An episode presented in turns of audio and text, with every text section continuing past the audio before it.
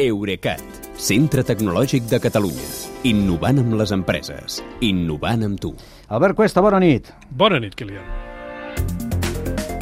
Els polítics catalans independentistes víctimes de l'espionatge en Pegasus coincideixen a qualificar, des que ha aparegut aquest cas, de massiu.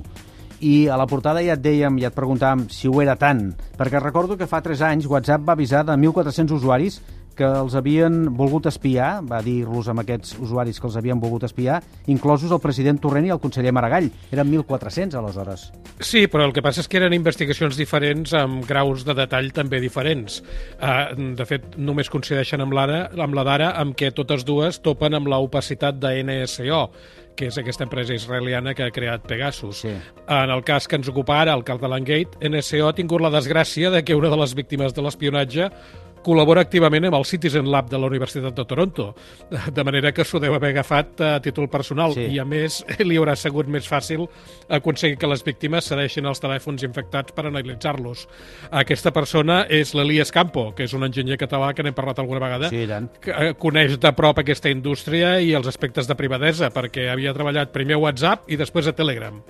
Uh, L'informe del Citizen Lab diu que la, qualitat, la quantitat d'objectius i de víctimes de programari espia mercenari, que en diuen així, que s'han que s'han pogut verificar amb tècniques d'informàtica forense en el cas del Catalan Gate, que són 65, mm. supera amb escreix totes les investigacions anteriors que han fet, inclosos els informes sobre Al Jazeera amb 36 víctimes i El Salvador amb 35. D'aquí que s'estigui parlant d'espionatge massiu, tot i que una sola víctima a mi ja em semblaria massa.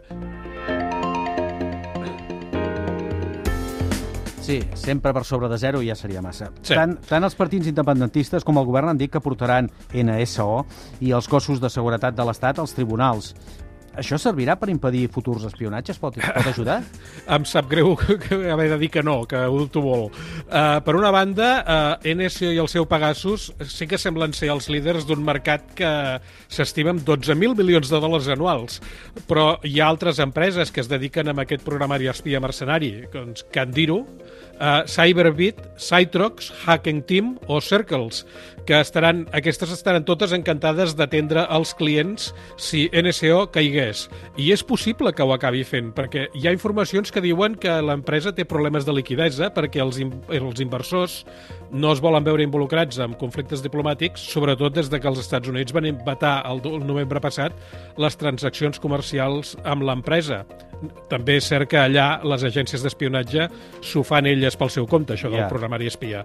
Eh, però també per les possibles conseqüències econòmiques de les demandes que Apple i WhatsApp han presentat contra NSO per haver aprofitat les vulnerabilitats dels seus serveis.